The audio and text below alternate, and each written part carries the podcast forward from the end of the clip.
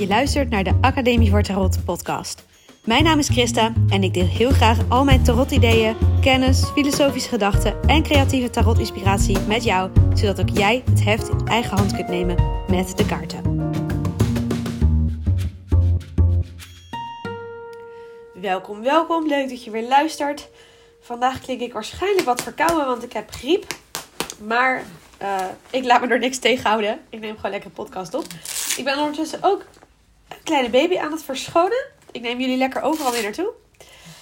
Uh, hij is lekker rustig, dus ik dacht waarom niet. Ik kreeg net een, uh, een vraagje via WhatsApp. En ik dacht, uh, dit is wel een belangrijke om ook even een podcast over op te nemen. Die vraag was van iemand die via via bij mij terechtgekomen was. Iemand die nieuwsgierig is naar tarotkaarten. En die wel graag een reading wilde hebben. En degene via wie ze bij mij terecht was gekomen. Die had al gezegd ja. Uh, ik denk dat ze misschien wel toekomstvoorspelling wil. Dus kijk maar even of het wat is. Maar nou ja, in elk geval. ik heb aan haar uitgelegd dat jij dat niet doet. En ze was nog steeds wel geïnteresseerd. Dus ik zei nou oké, okay, sure. helemaal prima. En we waren met elkaar aan het afspreken wanneer ik dan een consult voor haar zou doen. En op een gegeven moment vraagt en ik vroeg haar: wat is je vraag? Want ik dacht wel, ja, leuk als we iets afspreken, maar ik wil eigenlijk wel even zeker weten dat ik dan niet uh, aan het begin van het consult helemaal moet uitleggen van: oh, heb je een toekomstvraag? Ja, nee, dan wordt het toch anders. Want ja, dan stel ik zo iemand teleur.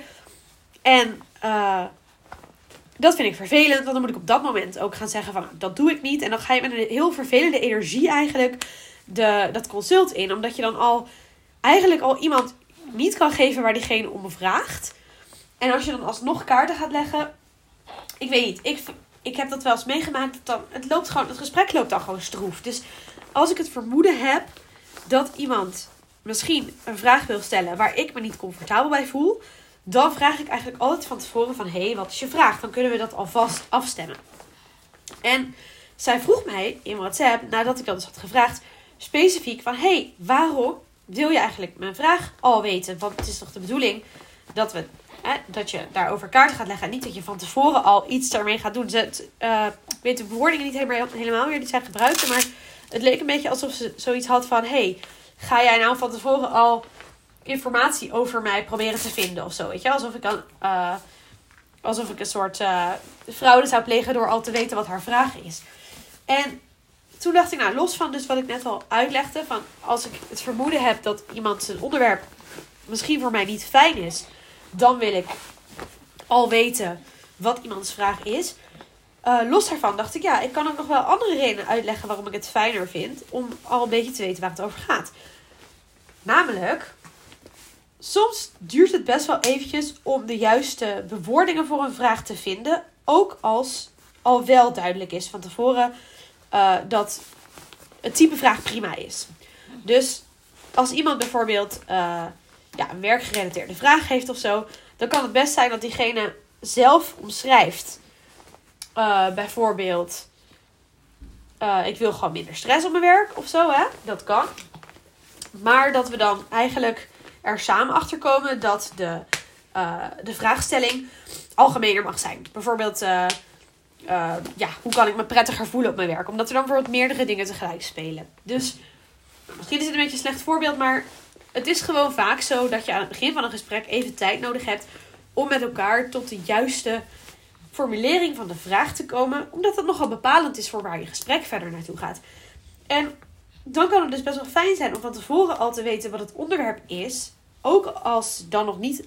Kijk, soms zorg ik ervoor dus dat de vraag al helder is voor we gaan beginnen.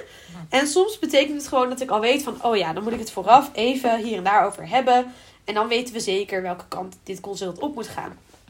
En het is ook voor de, uh, het, consult, zo, ik ook over mijn woorden, uh, belangrijk om te weten wat de vraag is, omdat het legpatroon dat je kiest vaak ook te maken heeft met het type vraag.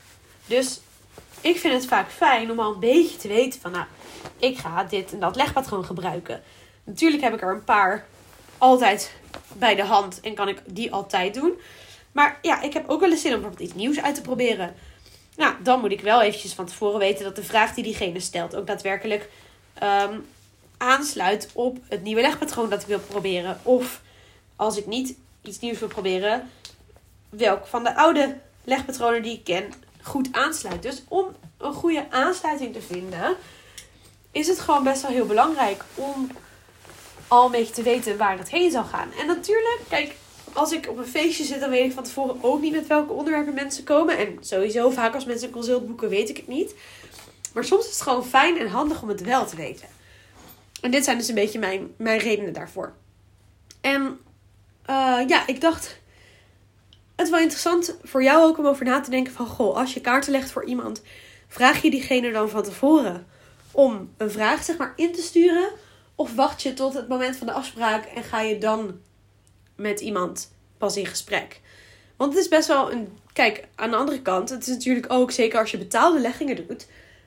Dat stukje voorwerk, als je dat gewoon in de consulttijd doet ja, daar hoort, het hoort wel ook bij het stukje waar je voor betaald krijgt, denk ik dan. Dus in die zin is een stukje voorgesprek aan het begin van een consult en ook voor die ander om eventjes, nou, dit is wat we gaan doen, even goed duidelijk voorbespreken voordat je huppa met die kaart op tafel komt, heeft ook zeker zijn voordelen. Maar dat kun je natuurlijk ook doen, ook al weet je de vraag al. Dan kun je natuurlijk ook gewoon eerst even een stukje context bevragen voordat je de kaart op tafel legt. Niemand zegt dat je meteen hup moet beginnen. Dus nou ja, dat zijn een beetje mijn gedachten uh, over dit onderwerp. En ja, ik vond het interessant omdat ik dus nooit erbij had stilgestaan dat dit kan overkomen alsof ik al van tevoren iets wil weten waar ik informatie uit kan afleiden of zo. Want dat was een beetje hoe zij het formuleerde. Zo van, hé, hey, maar als je dan al weet waar het over gaat, is dat dan niet een soort van voorkennis die je niet uh, zou moeten hebben als je met kaartleggen begint. Dus dat vond ik een interessant, want zo had ik er zelf echt nog nooit over nagedacht. Maar wel grappig dat, uh, ja, dat je er natuurlijk ook op die manier naar kunt kijken. Dus ja, dit zette me een beetje aan het denken over, goh, waarom doe ik dat eigenlijk? En, uh, en dit is daarop het antwoord. Dus ik ben benieuwd of je, ja, hoe jij dit ervaart.